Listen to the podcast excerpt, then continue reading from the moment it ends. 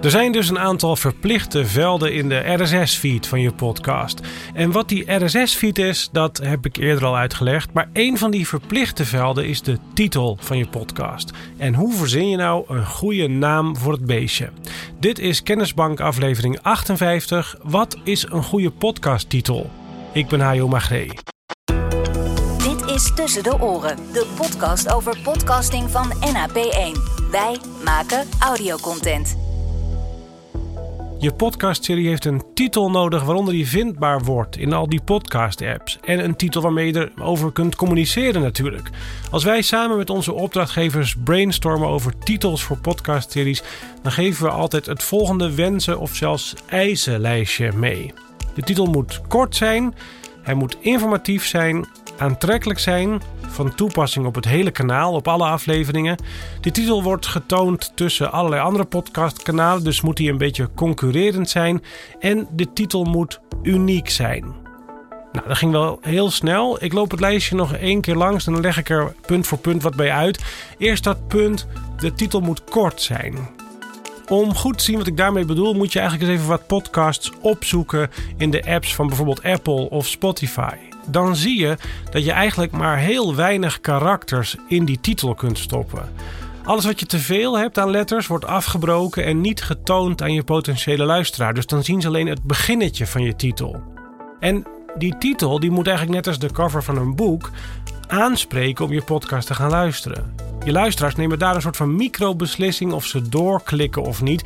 En als die titel dan ook nog eens niet goed leesbaar is, omdat die wordt afgebroken, dan sta jij als maker eigenlijk al meteen 1-0 achter. Dus kort, hou hem kort. Dan het punt informatief. Wij adviseren meestal om een titel te kiezen die iets weggeeft, heel kort, over waar die podcast over gaat. Daar moet informatie in zitten over wat je gaat horen als je erop zou klikken om er naar te gaan luisteren. Anders geef je de luisteraar niks om zijn beslissing op te baseren. Dan het punt aantrekkelijk. Kijk, die titel moet natuurlijk ook gewoon uitnodigen om op te klikken. Niet saai zijn. Mensen luisteren podcasts over het algemeen omdat ze niks anders te doen hebben. Om eh, vermaakt te worden of omdat ze verstrooiing zoeken. Dus op saaie titels gaan ze niet klikken, want er is veel te veel om uit te kiezen wat minder saai geformuleerd is. En dan kan het handig zijn, en hier zijn we bij het punt concurrerend, om even te kijken wat voor podcasts er nog meer bestaan in de categorie waar jij van van plan bent om je podcast daarin te plaatsen.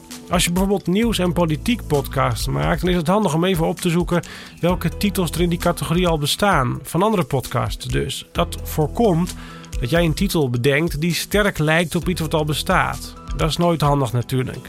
En daarmee komen we ook meteen bij het laatste punt. De titel moet uniek zijn, want je kunt gewoon geen podcast aanmelden onder een titel die al bestaat.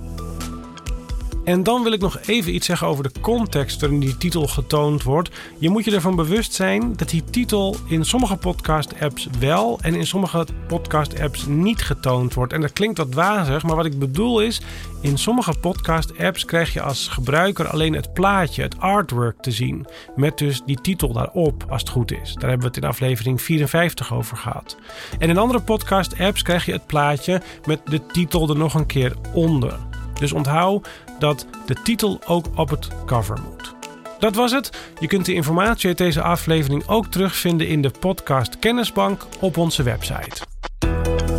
Dit was Tussen de Oren van NAP1. Wij maken audiocontent. NAP1.nl